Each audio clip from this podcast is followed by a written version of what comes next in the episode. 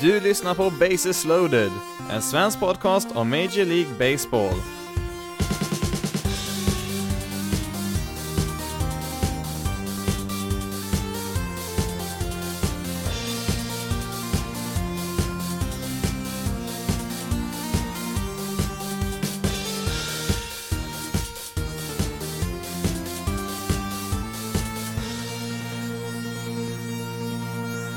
Hej och välkommen till ett nytt avsnitt av Bases loaded. I den här veckans avsnitt så ska vi gå igenom lite nyheter och även kolla lite närmare på National League West. Tanken är ju att eh, fokusera lite extra på en division varje avsnitt här. På så sätt så kommer vi få en, en regelbunden uppdatering om vad som händer i alla lagen här under säsongen. Vi ska börja först och främst med ytterligare lite mera kontrakt som har skrivits på här nu under veckan. Först ut så har vi då Sander Bogarts, eh, Red Sox shortstop där, som skrev på ett sexårskontrakt värt 120 miljoner dollar och det kommer då börja gälla från och med nästa säsong då, från 2020 till 2025. Sen har man även ett vesting option med där, alltså en klausul som säger att om eh, Bogart spelar Eh, eller han får 535 plate appearances under 2025, då förlängs det här kontraktet med ytterligare ett år, som är värt också, även det 20 miljoner dollar under 2026 där. Det finns även med en opt-out där efter 2022 där, och då ska han i så fall vara 30 år som man blir free agent vidare om man väljer att eh, att ta sig ur det här kontraktet där då. Annars då, om man väljer att fullfölja det här kontraktet så blir han ju free agent och antingen vid 33 eller 34 års ålder då, beroende på om det här extra året kommer med eller inte det på slutet. Bogarts då har ju varit, eh, ja han har varit väldigt bra under de senaste åren, han har varit, haft en stabil och hög produktion eh, de senaste fyra åren. Hade ju dessutom sin bästa offensiva säsong eh, förra året, hade en slashline på 2,88, 360, 5,22 där. Så att, ja han tog ett rejält steg framåt där. Eh, han hade ju varit eh, free agent eh, nu efter den här säsongen om han inte, om han inte skrev på det här kontraktet och hade ju bara varit 27 år gammal till nästa opening det här och till nästa vår. Ehm, så att, ja, hade han haft en likna, likadan säsong i år igen som han hade förra året så hade han nog säkert kunnat fått mer än det här, men vi ser ju allt fler och fler spelare som väljer att undvika free agents här nu och skriver på relativt stora kontrakt, men kanske ändå något mindre än vad de hade fått om alla lag hade fått vara med och, och lägga bud här, men Ja, det är ganska tydligt att många, många är rädda för, för free agency här nu och vill hellre lösa det eh, innan man kommer dit. Sen så var det ju även Ronald Acuna Jr där i Atlanta Braves som även han skrev på ett eh, kontrakt där som, eh, det var lite otippat ändå. Det, det kontraktet kommer ju vara värt minst 100 miljoner dollar över de närmaste åtta åren, men kan bli värt eh, så mycket som 124 miljoner dollar över 10 år där. Man har lagt till två stycken klubboptioner där på, för år 9-10 där, alltså som Atlanta då kan välja att aktivera eller inte där. Beroende på då hur länge det här kontraktet nu då kommer att sträcka sig med optioner och så, så kommer han ju bli free agent någonstans mellan 29 och 31 års ålder där, så att eh, han får ju ändå chansen att få ett, ja, rätt, rätt hyggligt kontrakt till där kan han ju faktiskt få. Acuna debuterade ju förra året där och han gjorde ju succé. Det blev ju visserligen bara 111 matcher där, men han vann ju en Rookie of the Year där, var ju värt eh, sammanlagt 3,7 war på de där matcherna.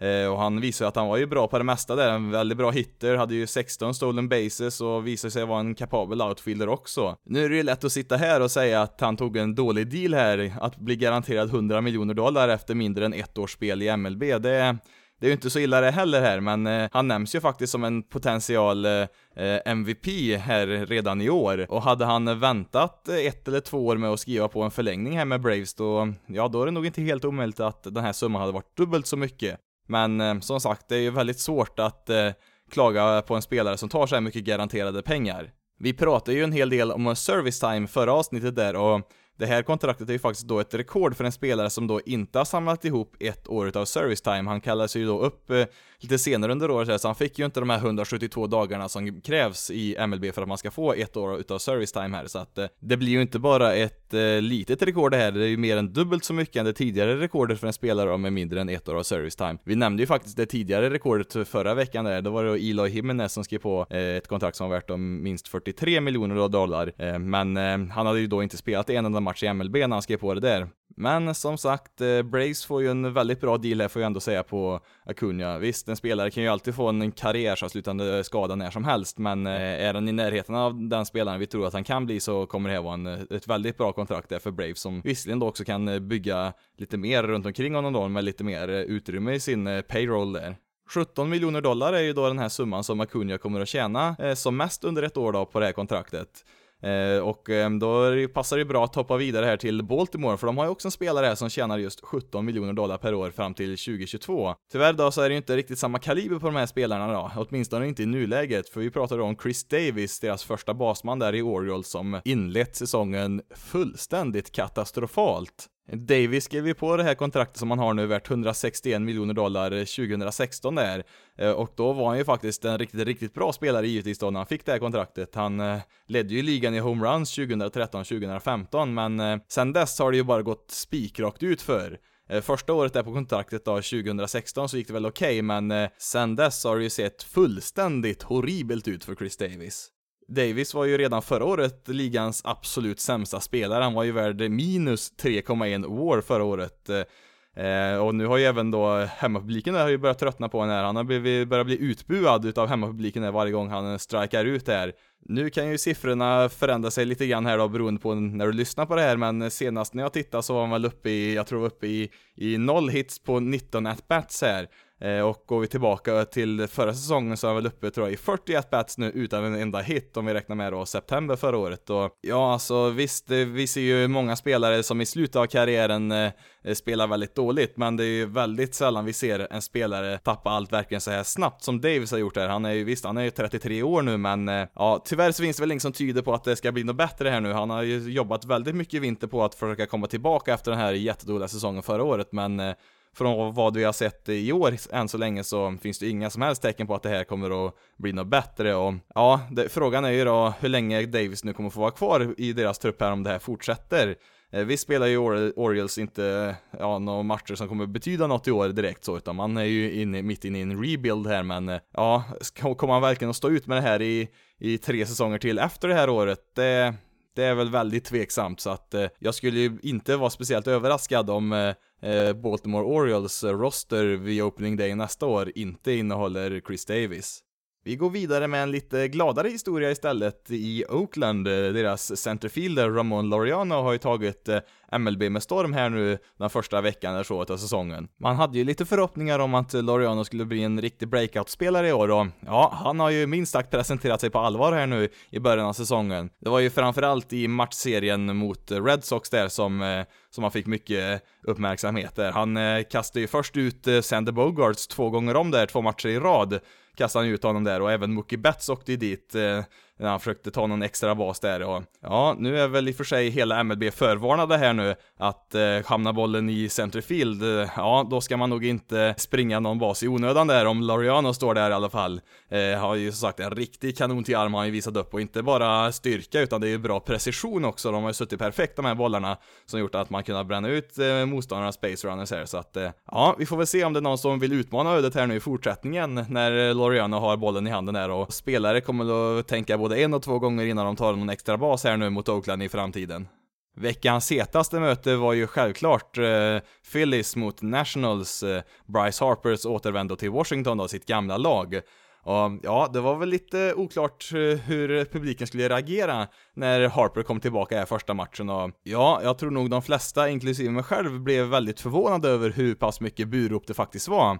Det fanns ju visserligen de som stod och applåderade det fanns det ju, men det, majoriteten var ju helt klart burop. Eh, största jublet kom ju där då när Harper strejkade ut. Eh, men eh, ser vi till hela mötet där så får vi väl ändå säga att eh, eh, Harper vann väl matchen mot Nationals Park, även om eh, de båda lagen vann varsin match, den här korta tvåmatchserien där. Totalt hade ju Harper fem hits, tre walks och tre RBIs där på de här två matcherna, så att eh, ja, han presterar ju verkligen där första mötet tillbaka där. Han hade ju även en homerun där med en ordentlig batflip som gick om och om igen där på repriserna. Så vi får väl säga att eh, Harper vann väl eh, första rundan här mot eh, Nationals hemmapublik i alla fall. Så här tidigt på säsongen så är det ju lätt att överreagera på eh, olika resultat, både sånt som är väldigt bra och väldigt dåliga. När vi tittar på lagens ERA så här långt den här säsongen så hittar vi tre väldigt eh, oväntade lag där i botten. Tre av de fyra sämsta lagen när vi kollar på just ERA är ju då Cubs, Red Sox och Nationals, alltså tre lag som förväntas prestera väldigt bra i år. Ska tillägga att de här eh, siffrorna kan ju ändras ganska drastiskt här nu i början av säsongen här, när vi inte spelat så mycket matcher, men eh, nu när jag tittar här då på söndagen, eh, jag är lite osäker på om de har fått in lördagens matcher här än, men i vilket fall som helst så är det lite oroväckande ändå, att de här topplagen faktiskt har startat så här, så här dåligt. Nu finns det ju som sagt mycket tid kvar att spela, men ja, det, det är ju tungt att börja säsongen som, som Cubs, Red Sox och Nationals har gjort här då, med sina pitchers på olika sätt. För Chicago Cubs del så, ja, John Lester har väl inlett eh, rätt bra, men i övrigt så har ju framförallt deras bullpen varit en riktig katastrof. De har ju haft en ERA närmare 10 där på deras bullpen. Eh, ser man på alla pitchers överlag där i Cubs så har de ju eh, överlägset flest walks i år. De har ju inte haft någon kontroll över strikezonen alls där. Kanske mest oroväckande för Cubs är väl deras starter där, Hugh Darvish som skrev på ett eh, ganska stort kontrakt eh, förra året där. Och, ja, han missar ju stora delar av säsongen då på grund av skada och ja, man har väl hoppats att han skulle komma tillbaka nu i år och vara så här bra som han har varit tidigare. Men ja, hans två första starter har ju sett väldigt skakigt ut. Tyvärr då för Cubs så har man ju inte någon större kapacitet att förstärka det här laget under säsongen man har ju ett väldigt dåligt farmsystem där som, eh, ja det är ju dåligt för att man bytte bort sina duktiga prospects där mot eh, spelare som hjälpte dem att vinna World Series där för några år sedan så att eh, nu finns det ju inte så mycket kvar man kan använda i trades här om man skulle vilja förstärka med någon pitcher här så att Cubs måste ju hitta den här lösningen på deras eh, pitcherproblem inom sitt, sin egen organisation helt enkelt som det ser ut just nu. För Boston Red Sox del då så är det ju framförallt deras starter som inte har vaknat än, eh, måste vi säga. Det var ju faktiskt ett tag där när varenda starter hade en ERA över 10 där efter sin första start. Eh, nu har det väl gått ner något där, men eh, ja, de har ju inte Eh, börjat övertygande där. Deras bullpen har ju faktiskt eh, presterat hyfsat där. Man trodde ju att det var just eh, deras bullpen som skulle vara deras stora svaghet under året här, men ja, från deras sida så har det ändå börjat rätt okej okay där. Deras starters då, som sagt, är det stora problemet just nu. De fick ju en ganska sen start på säsongen där som man valde att göra medvetet från Red Sox sida. De hade ju en väldigt lång säsong där, långt slutspel när de gick ända till World Series där, så man ville ju vila upp dem lite extra där och starta dem lite senare än vanligt i spring training och ja, de har ju bara vunnit eh, två utav de tio första matcherna här nu så att eh, det är väl en av de stora anledningarna till att det har börjat så pass tungt som det har gjort för Red Sox i år. För Washington Nationals då så eh, är det väl inte riktigt lika illa där, framförallt deras starters då, Strasburg, Scherzer och Corbin, deras tre första starters där har ju spelat bra här i början. I deras bullpen däremot så finns det lite mer frågetecken där. Trevor Rosenthal, eh, ja jag vet inte riktigt hur vi ska beskriva hans inledning på säsongen här. Eh, kollar vi på Baseball Reference, eh, en, alltså en sida som eh, man kan hitta all möjlig statistik på här, eh, och vi kollar på kolumnen för ERA, så ser vi att det står, ja inga siffror utan det står INF, alltså Infinite. Han har en oändlig ERA just nu och det beror ju på att på de tre matcherna som han faktiskt fått chansen att eh, komma in i så har han ju tillåtit eh, sju runs utan att få en enda out. Eh, man måste ju alltså då ha minst en out för att kunna räkna ut en ERA och ja, han har ju inte en enda en så att det, i nuläget så är det omöjligt att räkna ut vad hans ERA är, vilket är, ja det är bedrövligt rent ut sagt. Även Kyle Bearclaw, en eh, reliever som kom från eh, Marlins där i en trade under vintern, har ju haft det lite svårt här i början. Eh, han har ju en ERA som ligger på nästan exakt 2 R som är väldigt bra, men han har ju ärvt en hel del base runners där som har kommit in, som då har registrerats på andra spelares ERA då, så att ja, det, man har problem med walks här också. Man har inte riktigt hittat strikezonen där på vissa pitchers än här heller. Vi fortsätter sen med ett väldigt skadedrabbat New York Yankees. Eh, eh, bara under den senaste veckan här nu så har ju Miguel Andujar, Giancarlo Stanton och Troy Tulowitzki hamnat på deras injured list här. Och då hade man ju redan en hel del spelare där på den listan sen tidigare. För Stantons del då så har han ju nog en sträckning i armen där och man hoppas väl att han ska vara tillbaka någon gång i slutet av månaden där. Eh, Andujar är det väl lite mer eh, frågetecken kring där, det var någon bristning i axeln där han råkade ut för och Ja, vi har väl ingen, eh, ingen utsatt tid som han beräknas vara tillbaka där och det finns väl tydligen en liten risk att han eh, Eh, måste operera axeln där och, och därmed skulle missa hela säsongen, men eh, ja, riktigt där är de väl inte än där. Tulowitzki har en sträckning i vaden, missar några veckor där tror man. Eh, han skulle ju då vara lösningen här eh, på shortstop tills eh, Didi Gregorius blev frisk och ja, nu har ju Tulowitzki varit väldigt mycket skadad de senaste åren här så att det var väl inte helt oväntat att han skulle gå i sönder även i år. Men eh, ja, man hade väl nog hoppats på att det skulle bli en lite längre period på säsongen här innan han, innan han hamnade på lagets injured list i alla fall. Nu hade jag väl inte tänkt att spendera varenda podcast med att gå igenom alla skador på säsongen här nu, men eh, när man tittar på just Yankees eh, injured list så är den ju väldigt anmärkningsvärd, som jag tycker ändå är värt att ta upp här för att se hur, hur skadeskjutet det här laget faktiskt är. Förutom de här tre spelarna som jag nämnt nu så hade man ju en hel del spelare på sin injured list innan säsongen ens började. Eh, deras reliever där, Dellen Betances, eh, hamnar ju här eh, under spring training, har ju lite besvär med axeln där och eventuellt tillbaka i slutet av månaden här. Eh, Aaron Hicks som eh, fick ett nytt kontrakt här nu under, eh, under spring training har ju problem med ryggen där och ja, han får ju nog också vänta tills i maj någon gång innan han är tillbaka där. Han har ju börjat eh, köra igång lite hårdare träning där i alla fall, så att han går ju åt rätt håll. Eh, Cici Sabathia opererar ju knät i oktober och ja, han ska väl vara tillbaka relativt snart i alla fall här. Eh, Luis Severino skulle ju vara deras ace här nu eh, under säsongen, men han gick ju också sönder här nu un under spring training och det var något i axeln där som eh, inte var bra. Ja, det är väl lite oklart här, men i bästa fall är det väl maj som gäller för honom också innan han kan vara tillbaka. Didi Gregorius nämnde vi ju eh, lite kort där förut. Eh, han hade ju faktiskt en Tommy John operation där i oktober. Det är ju en operation som främst pitchers gör då, men eh, det finns även en del spelare som gör den här i operationen i armbågen där och de kan ju komma tillbaka lite snabbare än vad en pitcher kan göra. Men ehm, ja, man tror väl att han kan vara tillbaka i juni någon gång där. Sen så har vi ju tekniskt sett också Jacoby Ellsbury som, ja, han har ju varit skadad i en evighet nu verkar det ju som. Eh, han, men han försöker i alla fall att komma tillbaka där och har väl gjort vissa framsteg. Han hade väl en eh, höftoperation här nu senast förra året som hindrar honom. Men när det gäller just Ellsbury så är man väl, ja det är väl bara en bonus som man får ut minsta lilla produktion utav honom i år. Man har väl nog inte räknat med att han ska kunna bidra något nämnvärt under 2019 här ändå. Innan säsongen drog igång så var det ju en del som undrade hur ska alla de här spelarna på framförallt deras infield där få speltid? Man värvar ju in bland, bland annat eh, då Troy Tulowitzki och eh, JJ LeMay där och eh, ja, man undrar ju som sagt då, ska alla de här eh, få ordentligt med speltid eller inte? Men eh, ja, det ser vi nu att eh, eh alla de här spelarna behövs ju. Det kan ju hända väldigt mycket med en trupp eh, på en säsong. Nu är det väl inte så vanligt att så här många spelare blir skadade direkt. eller ja, till och med innan säsongen ens är igång. Eh, det är ju faktiskt så att eh, Clint Frazier och eh, Tyler Wade, som inledde säsongen i minor leagues där, har ju fått kallas upp och är nu, ja de är ju starters i Yankees lag som det ser ut just nu. Sen så har man ju en spelare vid namn Mike Talkman där som Ja, han tradar man ju till sig här precis vid säsongstart här från Rockies, så ja, det är nog inte så många som har hört talas om honom sen tidigare. Han hade ju förmodligen inte ens eh, kommit med på Rockies roster där i år innan den här traden då, och nu är han ju faktiskt Yankees fjärde outfielder där som kommer säkert få en liten speltid eh, lite då och då här. Tittar vi på Yankees eh, situation nu så ser man ju varför det är viktigt att ha en bra bredd i sin trupp om man ska hålla hela vägen till september här och vara med och slåss i toppen av divisionerna här. Nu tror jag det kommer gå rätt bra för Yankees ändå här, eh, men ja, det har väl varit lite knackigt här nu i början här. Man förlorar ju två matchserier mot Orioles och Tigers som ska vara bottenlag i år.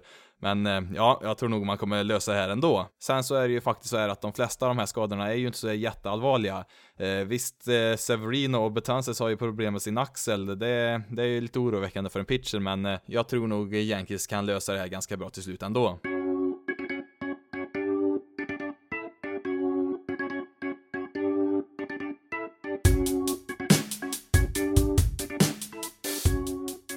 Tänkte jag att vi skulle kolla lite närmare på National League West i det här avsnittet, och vi börjar med Arizona Diamondbacks. Det hände ju en hel del i första serien där mot Dodgers för Diamondbacks där man tillät ju inte mindre än 42 runs eh, på de här fyra matcherna, vilket givetvis inte är helt optimalt, men eh, man tog sen eh, två utav tre mot Padres i alla fall.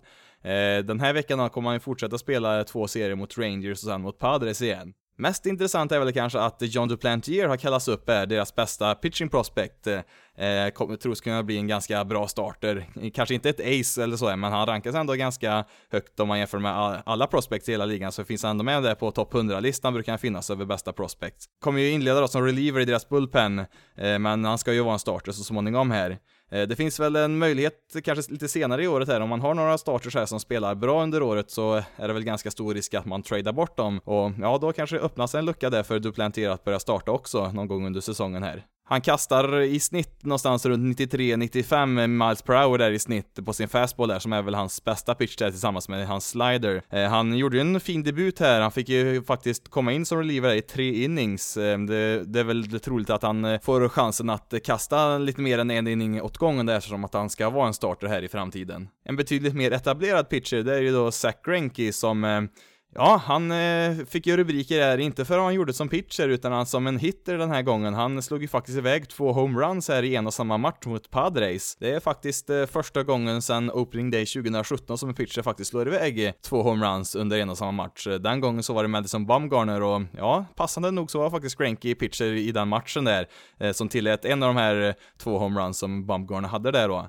Kollar vi på pitchers som är 35 år eller äldre då, som Granky är, så har det faktiskt inte hänt sedan eh, 1957 när Dixie Howell gjorde det för Chicago White Sox. Kan väl säga att jag generellt sett är för förslaget att man ska införa en designated hitter även i National League, men eh, ja, det är väl lite kul när vi får se såna här eh, prestationer ibland också, givetvis. Till sist så kommer vi då till Jake Lamb, deras eh, första basman där som eh, sträckte lårmuskeln eh, när han sprang på baserna där i en match och kommer missa sex veckor här tror man. Eh, han hade ju en väldigt tuff säsong förra året. Eh, han hade ju ett par bra säsonger innan det, men eh, med hans lön som är nästan uppe i 5 miljoner dollar nu i arbitration är, så behöver han ju producera betydligt bättre än vad han gjorde förra året där, så att det gäller att han sätter fart direkt här när han kommer tillbaka, för om han fortsätter på samma spår som han gjorde förra året så finns väl risken att han inte får en plats i laget till nästa år sen. I hans eh, frånvaro så kommer han att spela med Christian Walker där på första bas. Eh, han har aldrig fått mer än 53 plate appearances under en och samma säsong, eh, men han har inlett ganska bra här nu under säsongen och mm, ja, vi får väl se om det håller i sig här nu då när han får faktiskt spela regelbundet för första gången i sin karriär här.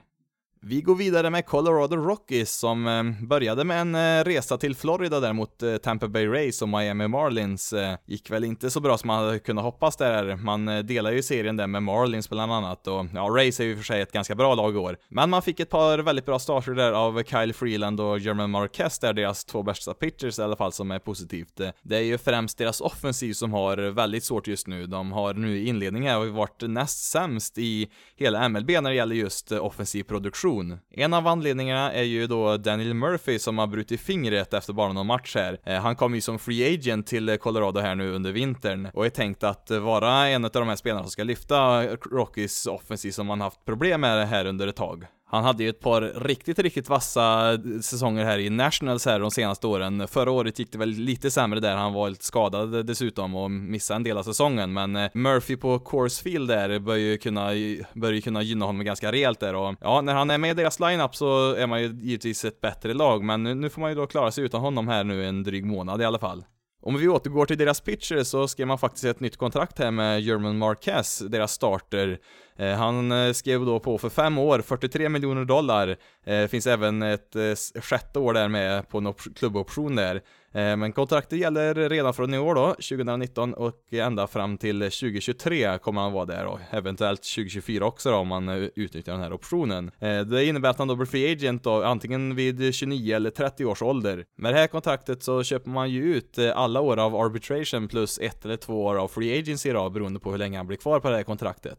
Marquez kom ju till Colorado eh, 2016 i en trade med Tampa Bay Rays där. Fick även göra sin MLB-debut där med Colorado det första året, men eh, det var ju först eh, 2017 som han fick göra en hel säsong och det gick väl helt okej okay det första året. Men det var ju framförallt förra året som han fick sitt stora genombrott här. Han hamnade ju lite i skuggan här av Kyle Freeland som var en, ja han var ju snäppet vassare var han ju, men Marquez framförallt under andra halvan säsongen var ju riktigt, riktigt bra han också. Det finns väl de som skulle argumentera för att Marquez kanske är en bättre pitcher egentligen än Freeland och ja, det får vi väl se i framtiden om det är sant eller inte, men eh, Ja, man får, eh, får en förlängning här då på Marquez eh, som verkar vara ett standardkontrakt för eh, pitchers som har spelat ett par säsonger i MLB. vi har ju ett flertal kontrakt på bland annat Aaron Nola, Blake Snell, Louis Severin och fick ju också liknande kontrakt där runt fem år, 40-50 miljoner dollar någonstans. Så att det är väl någonstans där marknaden ligger för pitchers av den här kalibern då som ja, har spelat något år i, i MLB och man vill förlänga dem eh, under hela sin eh, ja, arbitration-period plus kanske något enstaka år av free agency också. Vi fortsätter med lite mer eventuella kontraktsförlängningar här, för man har ju som sagt förlängt Marquez och man gav ju ett kontrakt till Nolan Arenado som skulle varit free agent efter den här säsongen egentligen, så att han kommer ju bli kvar länge där och förra året så förlängde man ju även Charlie Blackman där. Det går ju även en del eh, rykten här att man försöker förlänga med lite andra spelare också ett tag innan de blir free agents. Eh, Eh, tidigare nämnde Kyle Freeland är ju ett väldigt hett alternativ till en förlängning där. Han slutade ju faktiskt fyra i Cy Young-omröstningen eh, förra året där och ja, han hade väl kanske den bästa säsongen en pitcher någonsin haft i Rockies historia förra året där. Nu har det ju visat sig vara att nästintill omöjligt där i Colorado att utveckla bra pitchers under en längre period. Eh, det är ju som att spela på hög höjd där i Denver och med den tunna luften där så gör, gör det ju att eh, när man kastar bollen så får man ju inte lika mycket rörelse på, på den där. Och mm, ja, det blir ju då lättare för, eh, för hitters då att se bollen och sen få en bra träff på den. Vilket då gör att man, man har, brukar ha betydligt sämre resultat när man är en pitcher i Colorado. Men med Freeland och ja, med Marquez också så hoppas man väl att man äntligen ska få till en riktig vass rotation här för en gångs skull. Ett annat hett alternativ till en eh, tidig förlängning, det är ju deras eh, shortstop, Trevor Story där som, eh, ja han är ju inne i arbitration nu så att han har ju inte jättelångt kvar tills han är free agent och ja han fick ju faktiskt 5 miljoner här första arbitration-året här så att eh, hans lön eh, kommer ju bli betydligt högre då om han ska skriva på ett kontrakt nu än vad, vad eh, Freeland kan hoppas på och vad Marquez faktiskt fick. Story är ju en fantastisk offensiv spelare, det är han ju. Han är en helt okej okay shortstop också. Men eh, det är inte hela världen om man inte skulle få en förlängning med honom där, för man har ett väldigt bra prospect här som är, snart är redo för MLB här i Brennan Rogers, som eh, också spelar på shortstop där, så att eh, det kan ju vara intressant att se eh, om man väljer att förlänga Story här, om Rogers får komma upp och om någon av dem får flytta sig till andra bas, eller om man helt enkelt gör sig av med någon av de här spelarna. Eh, ja, Rogers som sagt då, han, eh, han bör kunna komma upp ganska snart här och kommer ju definitivt vara redo innan Trevor Story blir eh, free agent, så att vi får väl se här nu hur det blir på deras middle infield här i framtiden. Los Angeles Dodgers har ju rivstartat den här säsongen. Man snittar ju ja, nästan 8 runs per match här i de första matcherna. Deras pitches har väl inte riktigt varit eh, eh lika bra där, men eh, med tanke på hur många runs man eh, producerar här så har de inte behövt att vara det heller. Eh, sen får vi tillägga att man inleder ju säsongen först med, mot Diamondbacks och sen mot Giants som, eh, ja de är väl inte eh, det bästa motståndarna man kommer få se i år direkt. Eh, det blir väl lite tuffare den här veckan när man ska spela mot eh, Cardinals och mot Brewers. Man har ju som sagt fått en fantastisk offensiv produktion här. Framförallt Cody Bellinger har ju varit glödhet här nu i inledningen. Eh, 6 homeruns och 16 RBIs på de första åtta matcherna hade han här. Eh, kommer givetvis inte hålla i sig hela året, men eh, Ja, offensiven klickar ju rejält här nu redan från eh, match 1. Eh, det var ju lite tufft där i början av förra säsongen där, men eh, ja, nu har man som sagt eh, fått en väldigt bra start på säsongen här. Detta gör man samtidigt som man har två starters på deras injured list. Eh, Clayton Kershaw och Rick Chill eh, finns ju inte med i deras rotation här nu när säsongen började. Eh, men eh, det, det, har man ju löst ganska bra, för man har ju en fantastisk bredd i, i det här laget på ja, de flesta positionerna egentligen. I deras frånvaro där så har ju Julio Urias eh, fått hoppa in där som starter. Han missar ju större delen av 2018 där på grund av en operation i axeln där. Och ja, han ska väl egentligen vara en starter i framtiden här, men ja, han får väl nog nöja sig mest med att vara en reliever i år, men tills tills Kershaw och Rich Hill är tillbaka så får ju han starta lite där. Han har ju en start här nu när jag spelar in i alla fall, som det ser riktigt bra ut. Jag tror han även har en eh, start här nu ikväll, söndag kväll när jag spelar in här, så vi får väl se hur det går där. Men eh, ja, tyvärr då för, hon, för hans del så spelar det nog ingen roll hur bra han eh, presterar, för att eh, han ska ju då ner i deras bullpen. Kershaw då har ju börjat kasta lite, han hade en rehabstart där i AAA, och kommer förmodligen göra en till start där i AAA innan han kommer upp i MLB. Eh, även för Rich Hill så har det gått framåt här då, han bör väl kunna vara tillbaka ganska snart här. Eh, som sagt, väldigt bra bredd i truppen här. Man har väl egentligen eh, sju starters här som skulle kunna gå in i vilken eh, rotation som helst egentligen. Så att, eh, ja, det, det är ju deras styrka här, att man, även med mycket skador så kan man, eh, kan man fortfarande ställa upp ett väldigt slagkraftigt lag här i, i Los Angeles. San Francisco Giants har väl inte inlett eh, lika bra som Dodgers då får vi väl ändå säga. Man tog väl en match mot Padres och en mot Dodgers, men eh, ja, det, det är ju inte tänkt att det ska gå så himla bra i år ändå. Eh, man är ju mitt inne i en rebuild här får man väl ändå säga, även om det finns en del eh, ganska tunga profiler här så är det väl ett lag som, eh, ja, deras bäst före-datum har väl gått ut för ett tag sedan får vi väl ändå säga. Detsamma skulle vi även kunna säga om Kevin Pillar där som han faktiskt tradade till sig från Blue Jays här nu. Man bytte ju bort då Derek Law, Allen Hansen och Juan De Paula där. Pilar där då, centerfielder som, eh, ja tidigare ansågs han väl vara en av de absolut bästa defensiva centerfielders som fanns i MLB, men eh, det har ju inte varit lika bra här nu på sistone. Han har hunnit bli 30 här nu och ja, det har väl synts. Han är väl fortfarande fullt kapabel att spela i centerfield, det är han ju. Men han är inte den här äh, superförsvararen som han var känd som där ett tag. Och det var ju just därför som han, äh, ja, som han hade en ordinarie plats där i, i centerfield, var ju att han var så bra defensivt där, för han äh, har ju aldrig varit speciellt bra som en hitter. Och ja, nu när hans defensiva egenskaper är då eh, inte är lika bra så ja, då har hans värde sjunkit ganska rejält här nu de senaste åren. Med det sagt så är väl eh, Pilar fortfarande den bästa outfieldern i hela Giants roster, det, det är han ju nog, men eh, jag vet inte riktigt vad man vill åstadkomma med den här traden.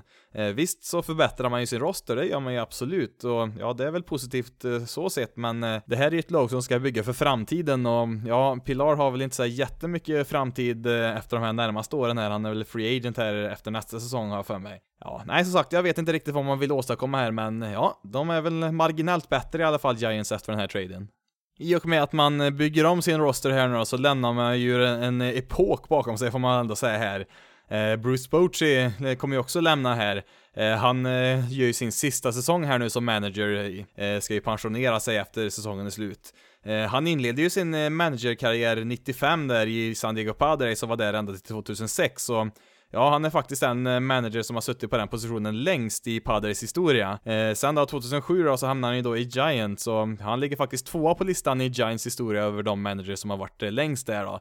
Ettan där i Giants är ju ganska svårslagen. John McGraw var ju manager från 1902 till 1932 på tiden där när de faktiskt spelade i New York. Eh, så ja, det rekordet får vi nog inte se slaget på ganska länge skulle jag tro. Det var ju då Bochy som var managern här nu under den här fantastiska perioden här. Man hade ju tre World Series-titlar på fem år, 2010, 12 och 14 där. Trots den här äh, fantastiska perioden här så kommer han att få avsluta sin karriär med ett losing record, alltså han kommer ha förlorat mer matcher än vad han har vunnit som manager. Det är ju faktiskt så att han har lite fler förluster än vinster, det är ganska jämnt där faktiskt, men äh, med tanke på vilken roster han har att jobba med här nu så skulle jag bli väldigt överraskad om han kommer att avsluta sin karriär med fler vinster än förluster, för det här är ju ett lag som inte kommer vinna så himla mycket matcher i år tyvärr. Han fick ju en väldigt fin eh, home opener här då när Giants eh, kom tillbaka till eh, San Francisco här för att spela första hemmamatcherna för året där. Han fick ju komma ut där till publikens jubel där, han är ju älskad utav San Francisco där efter den här framgångsrika perioden. Och han fick ju kasta ut den första pitchen där då till Pablo Sandoval var det som satt där som catcher och fångade den också dessutom. Så ja, han får väl passa på och njuta av de här tillfällena för risken finns väl att det inte kommer se så vackert ut på spelplanen alltid under 2019 här. Eh, sen spelar det väl nog inte så stor roll hur dåligt den skulle kunna gå den här säsongen så ser, kan jag inte se ett enda scenario där han får sparken i år utan han ska väl bara få köra ut det här sista året och så får man ta nya tag sen från och med 2020. På tal om just eh, framtiden så har man ju anställt en eh, ny President of Baseball Operations, alltså den här personen som bestämmer vem som, eh, ja vilka spelare som ska tradas och vilka spelare som ska draftas och ja, de tar väl en hel del andra beslut också om hur hur laget ska driva sin verksamhet. Eh, det är väl egentligen bara ägaren som är, är högre än den här personen då i hierarkin där och i lagen. Och då anställer man då Farhan Saidi som tidigare var general manager i Los Angeles Dodgers. Giant har väl inte riktigt tänkt eh, på den här uh, analytics-revolutionen som har pågått här nu ett antal år i, i MLB och ja, man ville få in lite ett nytt ansikte här. Och ja, jag tror Saidi kan nog vara rätt man för att få ordning på det här. Han brukar ju omnämnas som eh, en av ligans absolut mest kreativa personer och han har väl hyllats av i princip alla som ja, kommer i kontakt med honom på något sätt där. Så det ska bli lite intressant att se nu när han själv får eh, bestämma här eh, över ett lag och se hur det går. Så det, det är väl lite upp till bevis också för honom här. Han eh, har ju inte en jättebra situation här till en början med. Han ärver ju ändå en väldigt åldrande roster här och han har, ja, han får ju även ett, ett av ligans absolut sämsta farmsystem så att det, det, är lite motvind här nu i början och det kan man kanske dröja lite tag innan han får ordning på det här. En fördel är väl att det finns ganska mycket pengar att tillgå här så att det kan givetvis snabba på den här processen lite grann i alla fall. Till slut då så har vi då San Diego Padres som, eh, ja, de har ju börjat säsongen ganska bra faktiskt. Eh, eh, dock har man väl inte mött eh, jättebra motstånd här. Eh, man har väl ett ganska tacksamt schema här nu i april och det är i maj här ser jag att då kommer det bli betydligt svårare så att eh, eh vi får väl se, är de lika bra här efter maj, ja då kanske vi kan få se en liten överraskning här i södra Kalifornien. Det finns ju mycket positivt här kring Padres just nu. Eh, Chris Paddock fick ju göra sin MLB-debut och han gjorde det riktigt bra där. Han tillät en run där på fem innings och även hans andra start så såg det helt okej okay ut där. Han fick komma ut lite tidigt där men eh, Ja, två runs på lite drygt nio innings är ju inte helt fy skam där. Han har ju aldrig spelat över double A tidigare, alltså eh, den näst högsta minor League-divisionen där. Och ehm, ja, han dessutom gjorde han ju bara 37 innings där, så att han har gjort ett ganska snabbt hopp här nu ända upp till MLB, men eh, Ja, och det vi såg i spring training och det lilla vi har sett nu under säsongen så verkar han absolut vara redo för det här. Finns ju även de som rent av säger att han redan är lagets eh, bästa pitcher och Ja, det, det är väl lite tidigt att säga än, men eh, det är nog inte helt omöjligt att det är så. Som vi då tog upp i förra veckans avsnitt så är det ju roligt då att man väljer att inte manipulera deras service time här då på Chris Perek eh, som ett exempel, men även då Fernando Tatis Jr som även han fick vara med från första början här nu från opening day. Eh, och han har väl spelat bra här eh, än så länge, helt okej okay offensiv och han är ju helt klart en eh, uppgradering på vad de hade på shortstop här tidigare. Sen hade man ju även sin stora värvning där, Manny Machado under vintern här som, ja han har också kommit igång rätt bra här nu. Så att ja, det, det pekar uppåt för Padres här, men jag är nog fortfarande skeptisk till att det här laget faktiskt ska kunna hålla hela året ut och producera på en hög nivå. Det är ju först om några år här som det här laget ska vara med och hota först om slutspelsplats och sen kanske i framtiden också om en World Series. Man hade ju även ett par trades här. Eh, man skickade iväg eh, Socrates Brito till eh, Toronto Blue Jays i utbyte mot Rodrigo Orozco där. Han har ju inte direkt spelat på någon högre nivå i minor leagues där, så att det finns ju inte så mycket att säga om honom här nu. Sen så har man ju tradat bort en pitcher där, Diomar Lopez skickar man mot en annan pitcher i Cincinnati där, Matt Whistler. Matt Whistler är ju faktiskt en spelare som Padres draftade en gång i tiden. Eh, han var ju även deras högst rankade pitching prospect 2014. Men sen har han tradeats iväg då och varit i ett par andra lag här under åren och ja, nu är han tillbaka då och kommer ta plats först och främst i Padres bullpen. Eh, Whistler har ju då faktiskt startat en del i MLB men han har inte haft några speciellt mycket framgångar med det utan det, det har väl gått bättre när han använts som en reliever. Han blir väl i så fall mer en eh, starter i nödfall här i Padres om det skulle behövas under säsongen.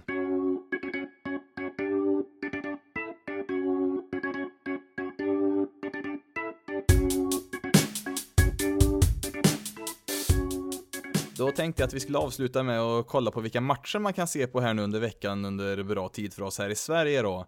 Eh, tyvärr då på Viasat så är det inte så många matcher den här veckan heller. Eh, på TV3 Sport så kan man se först på söndag då, 14 april, eh, Washington Nationals mot Pittsburgh Pirates där vid halv åtta. Har man Viaplay så finns det åtminstone ett par matcher till där man kan se på. Eh, först är på tisdagen 9 april klockan 8, Red Sox mot Blue Jays och sen även på onsdagen där 10 april så sänder man eh, eh, Tigers mot Indians där klockan 7. Som sagt jätteroligt att vi har satt faktiskt sänder en del matcher men eh, eh, Tyvärr idag så har man ju väldigt mycket matcher som sänds mitt i natten och ja, nu vet jag att en del eh, sitter upp och tittar på det också men eh, Ja, jag önskar att de kunde sända fler matcher som går tidigt, framförallt nu i början av, början av året när det faktiskt spelas en hel del tidiga matcher för oss här i Sverige. Om vi då vänder oss mot MLB TV då, som sänder alla matcher varav en match per dag gratis, så ja, då finns det lite mer alternativ här. På måndagen då, den 8 april, samma dag som det här avsnittet släpps på, så har man en gratismatch där vid klockan 8 mellan Tampa Bay Rays och Chicago White Sox där på MLB TV. Eh, är man en prenumerant där så kan man även se på Pirates och Cubs där ungefär vid samma tid. Sen på tisdagen så är det, ja, gratismatcherna är sent på natten där och de tre matcherna som sänds tidigt är väl inga höjdare direkt så. Eh, ja, kanske då Blue Jays mot Red Sox där om man vill se Red Sox om de kan eh, komma igång lite där eller inte. På onsdagen då, 10 april, så ja, det är väl inget jättebra utbud där heller på de tidiga matcherna där. Ingen av dem är gratis tyvärr heller då. Det är väl kanske främst då Braves mot Rockies där är ändå två lag som ska vara ganska bra i år, som kan vara lite intressant, intressant att se på. Vi går vidare på torsdagen där då, då har vi faktiskt en gratis match där på MLB TV. Halv sju kan man se Marlins mot Reds, eh, kanske inte världens eh, mest intressanta möte men ja, vill man se den så går, det, går ju det bra där. Eh, det är väl kanske främst eh, Dodgers mot Cardinals där vid sjutiden som kan vara lite intressant där på torsdagen. På fredagen där då så är det bara en tidig match där, Angels mot Cubs kan man se där. Lördag så har man faktiskt sju matcher där relativt tidigt. Eh, gratismatcherna börjar då vid sju. Orioles mot Red Sox är väl inget toppmöte direkt heller, men ja, den finns ju där för de som vill se gratismatchen där på MLB TV. Eh, I övrigt så, ja, det är väl inga jätteheta matchups där heller. Eh, Pirates mot Nationals är väl kanske den bästa. Eh, den drar igång där vid 10 på kvällen. Sen är det väl, ja, om man vill se Angels och Cubs två dagar i rad där så kan man ju se dem också där 20 över 8 igen. Sen avslutar vi veckan där på söndagen då. Gratismatchen startar halv åtta, då är det Pirates mot Nationals där och det är väl den bästa utav de här första matcherna som drar igång där på söndagen. Eh, sen så är det väl, eh, ja, Brewers Dodgers där vid klockan 10 väl, kan vara lite intressant, men eh, tyvärr är det väl lite sämre matchups eh, den här veckan, åtminstone på de eh, tiderna som vi kan eh, se på matcherna här i Sverige. Ja, då är det slut för det här avsnittet. Eh, du kan följa Basis Loaded på sociala medier på Twitter, Instagram och eh, Facebook. Eh, leta bara upp basisloaded.se så hittar du rätt konton där. Skulle du vilja mejla in någonting så kan du mejla till basisloaded.se gmail.com. Du kan även besöka basisloaded.se för ännu mer om MLB. Men nu har jag pratat tillräckligt för idag. Mitt namn är Jonathan Fabri och jag hoppas att ni alla har det bra så hörs vi i nästa veckas avsnitt.